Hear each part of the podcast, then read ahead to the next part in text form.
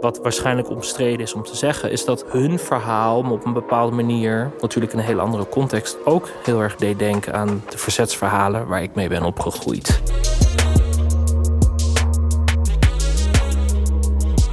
Je luistert naar Perspectief, een blikopening podcast. Gemaakt door de jongste medewerkers van het Stedelijk Museum Amsterdam. Welkom, welkom. Uh, ik ben Noam. Uh, ik ben 17 jaar oud. Uh, ben blikopener en woon ook nog eens een keer in Amsterdam. En ik interesseer me ook heel erg met Amsterdam. Maar goed, um, ik vind het heel leuk dat jullie de moeite hebben genomen om helemaal naar deze podcast te komen luisteren. Daarom nogmaals welkom. Ja, en daarnaast die moeite is het ook zeker waard. We hebben namelijk een hele interessante aflevering voor de boeg. Mijn, mijn naam is Chiro, ik ben 20 jaar. Ik uh, ben een student, eerstejaarsstudent. En uh, je luistert op dit moment naar aflevering 2 van een driedelige special over de tentoonstelling In the Presence of Absence. Deze is te zien tot 31 januari in het Stedelijk Museum Amsterdam. In deze special duiken we wat dieper in op, het, op de kunstwerken en de creaties van deze tentoonstelling. In elke aflevering praten we met een kunstenaar van de expositie en in aflevering 3 gaan we zelfs een praatje voeren met de directeur van het museum. Ja, en in de vorige aflevering kon je dus luisteren naar een interview dat Chiro met Ahmed Ogood had over zijn kunstwerk The Barricade. En in deze aflevering gaan we luisteren naar een uh, interview dat Blikomener Cecile had met Pieter Paul Pothoven, die een installatie maakte rondom de RARA. Dat is een activistische beweging in de eind jaren 80. Maar voordat we naar dat gesprek uh, gaan luisteren uh, en met Cecile ook even in gesprek gaan, wil ik toch eventjes van jou weten, Chiro. Um, het is een unieke tentoonstelling, omdat kunstenaars dus door middel van open call een werk konden insturen dat te maken had met de vraag um, welke verhalen zijn volgens jou onvoldoende verteld. Hoe zou jij het eindresultaat beschrijven? Ja, ik, uh, ik zie het als een hele mooie, diverse tentoonstelling. Ja. Daar ga ik het ook bij houden. ja, nee, ja, wat ik persoonlijk heel erg bij deze tentoonstelling had, is zeg maar als je dan naar een modern uh, stuk luistert, of klassiek of whatever. Uh, als je de eerste keer luistert, dan ben je er echt door overweldigd en denk hé, wat is hier aan de hand? Maar naarmate je het vaker gaat luisteren, dan opeens komen er allemaal dingen, ga je begrijpen. En dat had ik ook heel erg bij deze tentoonstelling. Toen we de eerste keer er doorheen liepen, was heel raar, was heel gek. En kon ik het ook niet helemaal vatten, maar ik heb hem nu, inmiddels heb ik hem al, nou ja, minimaal drie keer gezien.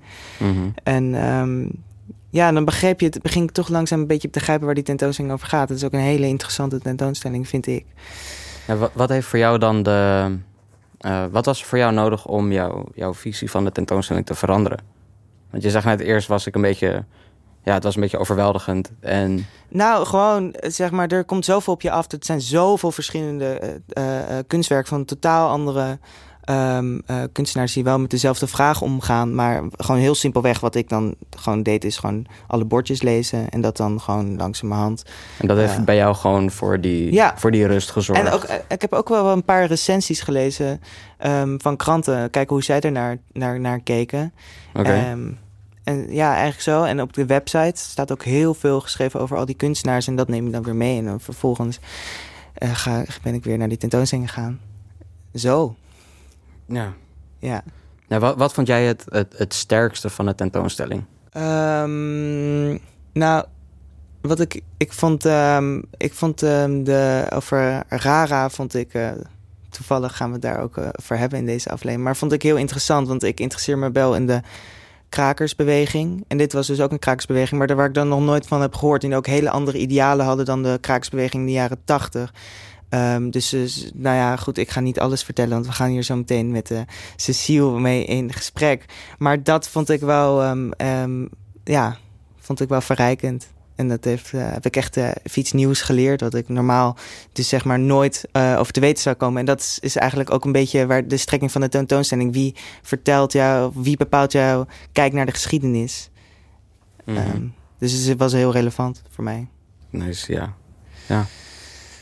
Maar ja, goed, um, zoals ik net al zei, um, uh, Cecile, die zit hier ook aan tafel en die weet Hallo. eigenlijk nog veel, oi, die weet eigenlijk nog veel meer uh, uh, over, over dat specifieke werk, wat ik net al zei, van Pieter Paul Pothoven, um, van, van Rara. Cecile, kan jij eens het kunstwerk van uh, Pieter Paul Pothoven um, beschrijven? Wat zien we yes. voor ons? Ik ben uh, Cecile trouwens. Ik ben uh, 20 jaar en ik studeer op het moment. Ook zit in mijn laatste jaar, dus Mhm. eindexamen. Woehoe. Ehm, het werk van Pieter Paul. Het is een ruimte, net zoals bij best wel veel ruimtes in de, is het gewoon heel blauw daar zo. Maar het is allemaal heel erg, uh, hoe heet het, een soort van stoffen muren zijn er allemaal. Want er zijn ook geluidsopnames die hoort, dus dat Ja. weerkaatst heel erg mooi. En het is eigenlijk gewoon een lege ruimte bijna. Maar dan een soort van houten frame in het midden van de kamer die daar met een installatie staat gebouwd. En uh, je kunt er onderdoor lopen, je kunt er omheen lopen. Je mag niet aanraken, het is wel een museum. Maar je kunt er wel gewoon dus omheen lopen. En als je goed kijkt, zie je dat het hout een beetje raar is. Het heeft een paar sleutelgaten op gekke plekken. En Ja. het is eigenlijk een beetje vaag als je niet... Uh, Maar wa- waarom zitten er allemaal sleutelgaten? En, en waarom, is, heeft Ja. daar een specifieke... Zit daar iets achter? oh ja, zeker. Maar dat ga ik nu nog niet vertellen. Want dat ga je in het interview lekker horen. cliffhanger. Ja. cliffhanger. Hele leuke cliffhanger. Maar eh, jij reageerde in de appgroep toen we moesten aangeven wie je wilde interviewen. Mhm. eh, van alle kunstenaars. Vrij adequaat eh, dat je Pieter Paul Pot over wilde interviewen. Waarom? Um, omdat ik toen ik de expositie doorheen liep, uh, had ik heel veel werken al gezien. En ik kon bijna bij alle werken wel een soort van bedenken van, oh ja, ik, ik snap het een beetje. Maar bij dat hele kunstwerk van Pieter Paul, ik dacht echt van, waarom hangt hier een deur? Eigenlijk, waarom hangt hier een deur zonder deur, maar gewoon het frame van een deur? En dat had me gewoon heel nieuwsgierig gemaakt van, wat is dit? Want ik vind kunstwerk eigenlijk helemaal niks van weten en helemaal niks van snap. Juist heel interessant altijd. Dus een beetje het onverklaarbare heeft jou Ja. getriggerd. Ja, ja, en toen heb ik erover gelezen en toen was ik zo... ja, dat... eh, dat Ja, nou, daar gaan we denk ik ook nog over hebben. Maar misschien, ja...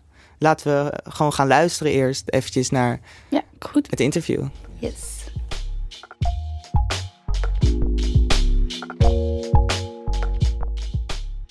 Welkom bij deze podcast.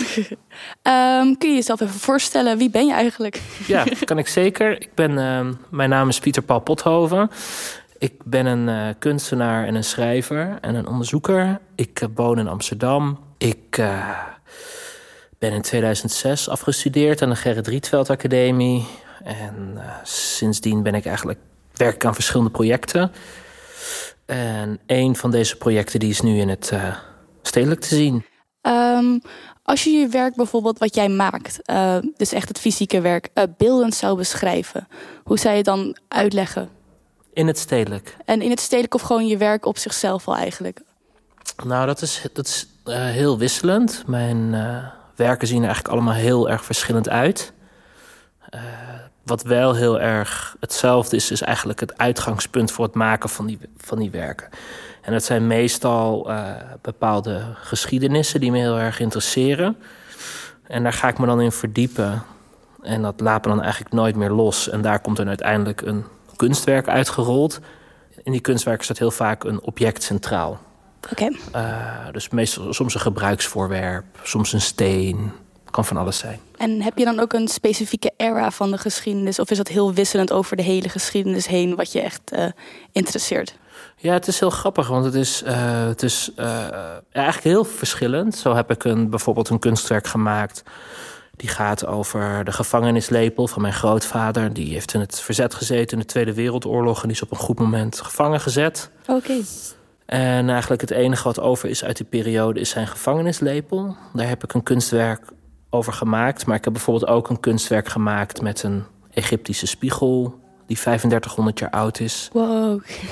maar uh, ja, en ik bijvoorbeeld, ik heb nu in het stedelijk heb ik een werk gemaakt dat gaat heel erg. Of een onderdeel van het werk is een voorgevel van een huis in Amsterdam.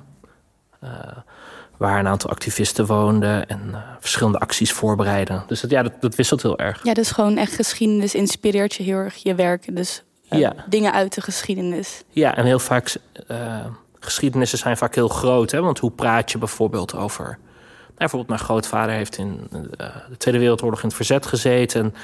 En, zeg maar, die geschiedenis heeft heel veel invloed gehad op mijn familie.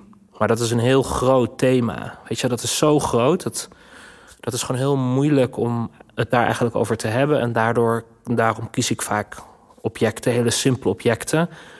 En, um, ja, en dan kan je in één keer iets tastbaar maken. En dan maak je eigenlijk een hele grote geschiedenis eigenlijk heel klein. Ja, En bijvoorbeeld het werk in het stedelijk. Waarom heb je specifiek gekozen voor uh, die houten stellatie eigenlijk? Want je, had een heel, je, had, je hebt het heel huis gehad. Waarom heb je gekozen voor de houten gevel? Ja, dat is... Ja, dat is... Uh, ik, kijk, dat soort keuzes. Je, je, ik ben met zo'n geschiedenis bezig. En dat, wat houdt het dan concreet in? Dat houdt bijvoorbeeld in dat ik uh, heel veel lees. Uh, ik zit heel veel in archieven. Ben ik op zoek naar oude documenten, oude bouwtekeningen. En, uh, en ik interview ook veel mensen. En de, het, het kunstwerk waar de gevel een onderdeel van is... gaat over een actiegroep uit de jaren tachtig. Mm -hmm. Die heette RARA. Ja. Uh, RARA staat voor de Revolutionaire Antiracistische Actie. En dat waren eigenlijk een, een, groep activisten... en die streden tegen apartheid in Zuid-Afrika. Apartheid is een, uh, ja, eigenlijk een heel gemeen racistisch systeem... waarbij uh, zwarte mensen eigenlijk ja, worden behandeld als tweede tweederangs burgers... en er veel geld over hun ruggen wordt verdiend door ja. witte mensen... Nou goed, en er was een groep activisten in Amsterdam en die dacht uh, dat. Uh, zijn we niet mee eens? Daar zijn we het niet mee eens.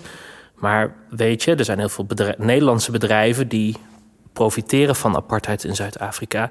En het daardoor ook mede in stand houden. Dus zij dachten van, weet je wat, dan vallen we die gewoon die bedrijven in Nederland aan. Zodat zij zich eigenlijk terugtrekken uit Zuid-Afrika. Omdat regime daar langzaam te laten afbrokkelen. Nou goed, dus ik doe onderzoek naar die geschiedenis. En uh, toen kwam ik op dit huis. Het is een uh, huis aan de Overtoom, 274. Zit nu een kinderdagverblijf. Oké. Okay. en dan, ja, dan ben je gewoon aan het studeren. En dan ben je, ik ben eigenlijk al de hele tijd op zoek naar een soort handvat. Weet je wel, van oké, okay, wat, wat tastbaar materiaal kan ik gebruiken... in dit verhaal, om dit verhaal, in deze geschiedenis, om dit verhaal te vertellen. En toen zag ik de voorgevel Hele mooie houten voorgevel, gemaakt 1933. En toen zag ik dat die gevel van tiekhout is gemaakt. Oké. Okay. En tiekhout is heel interessant. Het is echt een Nederlands koloniaal product. Uh, komt, uh, dit, dit tiekhout komt oorspronkelijk uit Java. En eigenlijk toen de Verenigde Oost-Indische Compagnie... Uh, naar Java ging in de 17e eeuw. Toen zijn ze eigenlijk daar meteen begonnen met het kappen van de bossen. Oh, okay, ja. Voor boten, voor van alles en nog wat. En uh, dat is eigenlijk, eigenlijk zolang Nederland Indonesië bezet heeft gehad, is dat eigenlijk altijd doorgegaan. En als je dus bijvoorbeeld nu door Amsterdam fietst, dan zie je dus overal Tiekhout zijn. Tiekhout, ja. ja okay. gevels. En ik vond het interessant, want toen dacht ik... hé, hey, dat is een, mat een beladen materiaal met een geschiedenis... wat ik voor mijn geschiedenis zou kunnen gebruiken. Dus toen dacht ik van. Uh, en heel toevallig liep ik ongeveer op hetzelfde moment op een kunstbeurs rond, een antiekbeurs. Ik hou heel erg van antiek. Mm -hmm. Ik ben een beetje een nerd daarin. Maar goed, ik, dus ik liep op een antiekbeurs en toen zag ik hele grote houten kisten. En uh, die bleken van tiekhout te zijn. En die werden gebruikt door hoge officieren van de VOC om een eigendommen mee naar Nederland terug okay, te nemen. Ja. Maar daar, daar propten ze ook een illegale handelsware in. En dus ik dacht van, hé, hey, dat is interessant die kisten die wil ik gebruiken. Want RARA is dus een actiegroep die altijd heeft die strijd tegen de overblijfselen van het kolonialisme. Want het is apartheid toch. En toen dacht ik van hé, hey, als ik nou ook van, de, van die overblijfselen kan gebruiken van kolonialisme en daar die gevel van kan maken. Ik hoop niet dat het te vaag is. Nee, nee is het duidelijk? Oké. Okay. Ja, ja. En waarom heb je eigenlijk uh, deze uh, beweging vooral gekozen om je daar te volgen? Want het was natuurlijk 1988, dus toen was jij zelf natuurlijk al super jong toen het ja. aan de hand was. Ja. Waarom specifiek die beweging? Want er waren in de jaren 80 natuurlijk heel veel, ook meerdere soorten bewegingen bezig.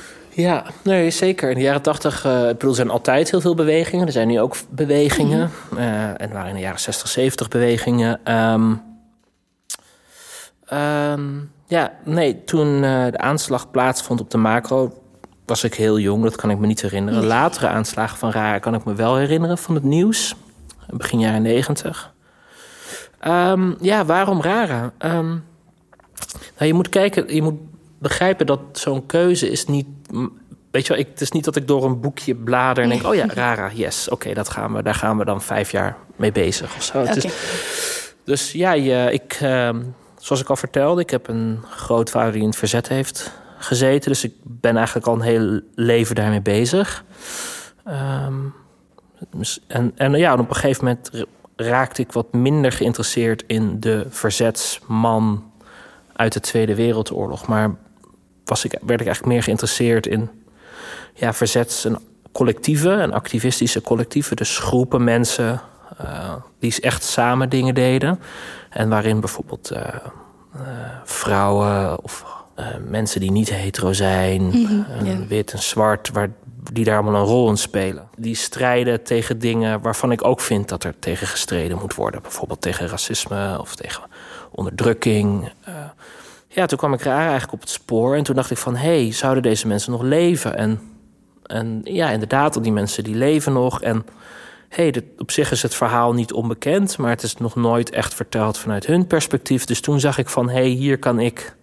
Ja, hier kan Ja. ik iets betekenen. activistengroepen, want de Tweede Wereldoorlog is natuurlijk heel bekend. We kennen er Ja. ook veel in activistengroepen Ja. eerder die dus niet zo'n groot plateautje of een podium al hadden gehad met hun stem. Ja. Ja, en wat, heel, en- wat ik heel erg interessant vond, en misschien wat waarschijnlijk omstreden is om te zeggen, is dat, eh, dat hun verhaal op een bepaalde manier, natuurlijk in een hele andere context, ook heel erg deed denken aan de verzetsverhalen waar ik mee ben opgegroeid.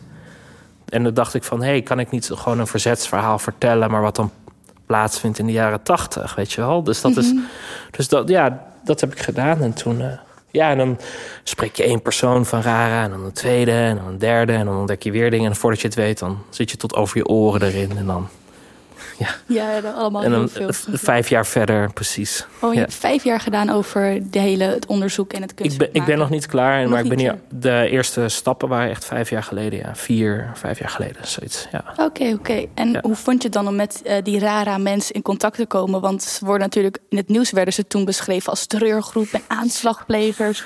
Ja. En dat is de beschrijving van toen natuurlijk in de jaren tachtig erover. Eh, nog steeds zijn nog steeds Nog mensen. steeds, ja. kijk, als je, als je zeg maar die, die mensen benadert zonder al zo'n stempel op hen te willen drukken, dan, ja, dan kom je erachter dat ze eigenlijk heel veel dingen te vertellen hebben. En eh, ja, dat, en dat was gewoon heel, eh, heel interessant om naar te luisteren. Maar het was heel moeilijk om ze te vinden. Het, was Ja.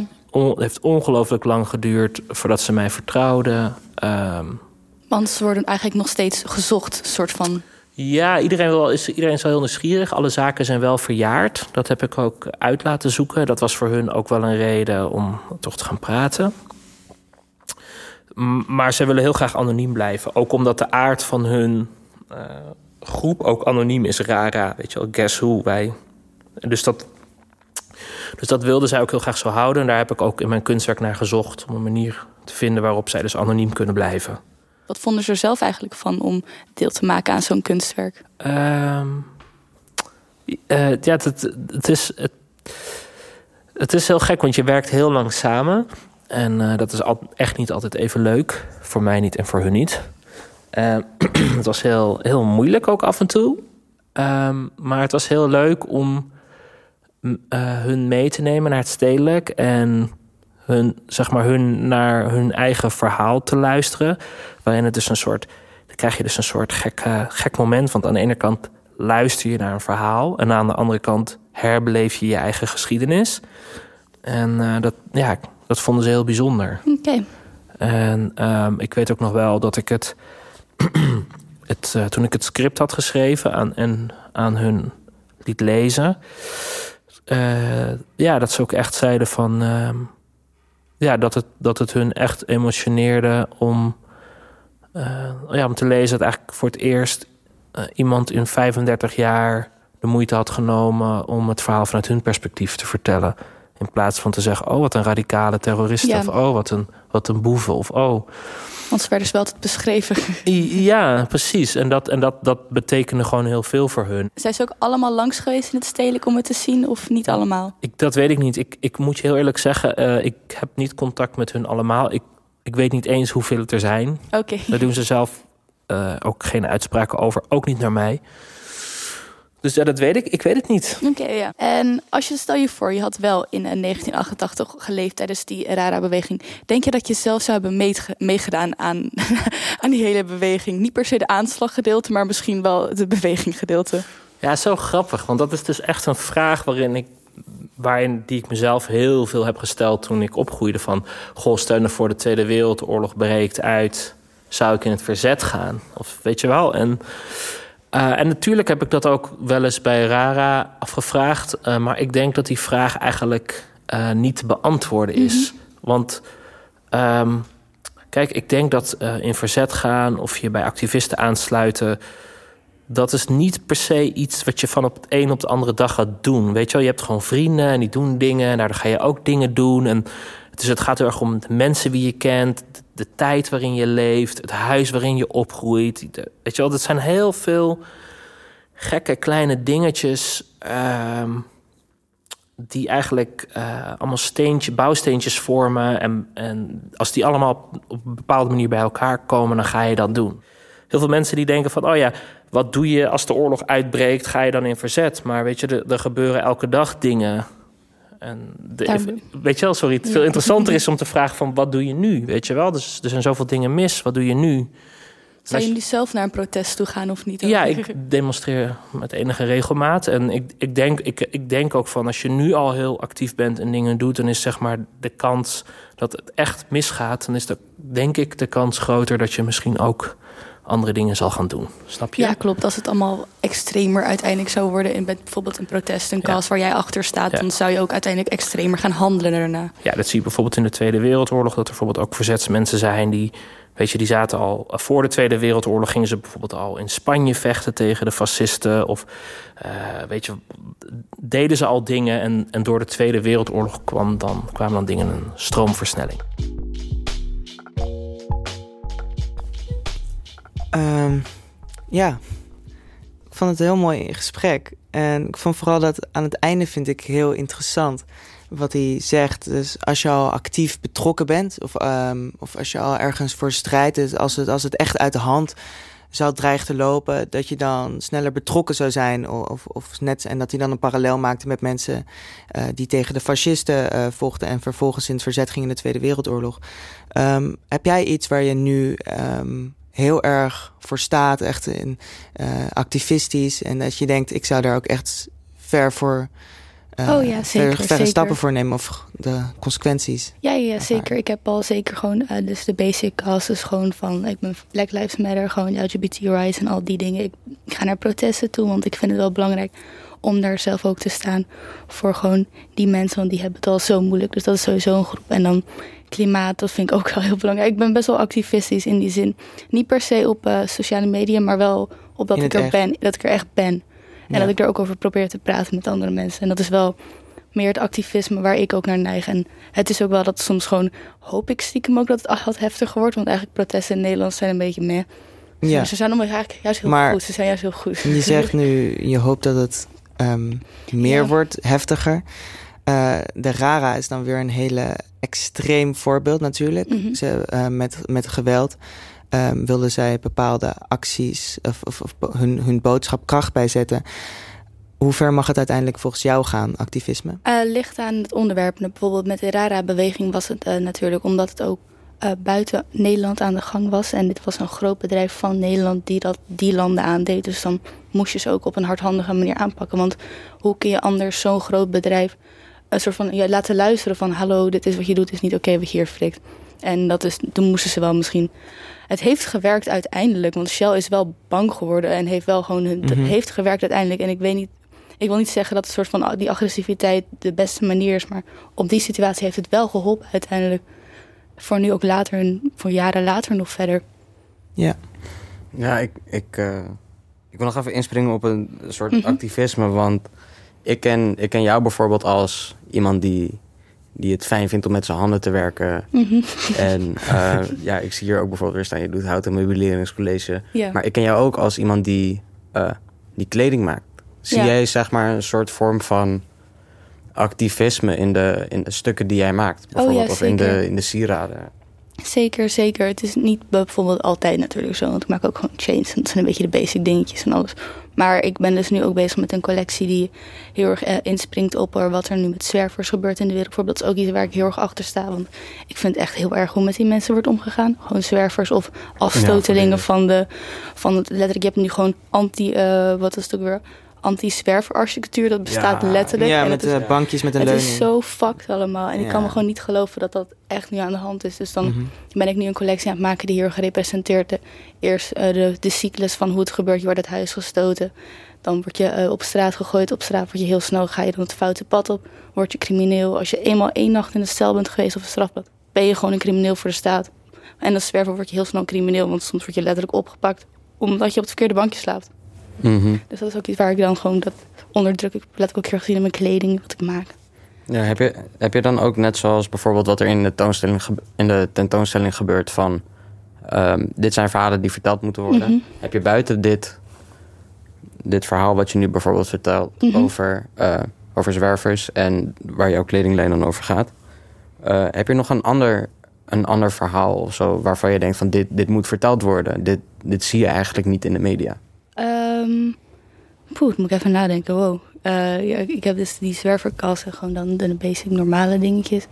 Ehm, ja, wat ik heel erg is van zie ik wat ik gewoon in de cultuursector ook heel erg zie met creatieve.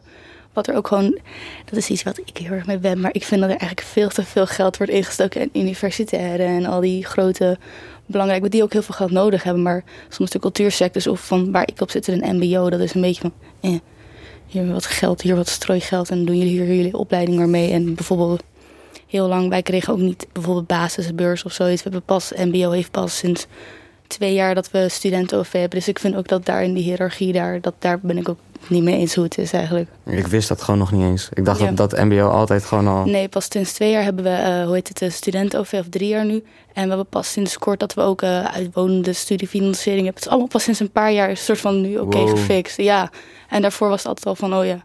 Bijvoorbeeld, ik weet nog dat... eh, nu worden dit mag je mbo'ers mag je echt student noemen, maar gewoon twee jaar geleden ook moesten ze leerling noemen of zo. Zo was dat de officiële termen voor. En student, universitairen waren wel studenten, maar mbo'ers waren leerlingen. En dat is ook iets waar ik gewoon totaal niet mee eens ben. Nee.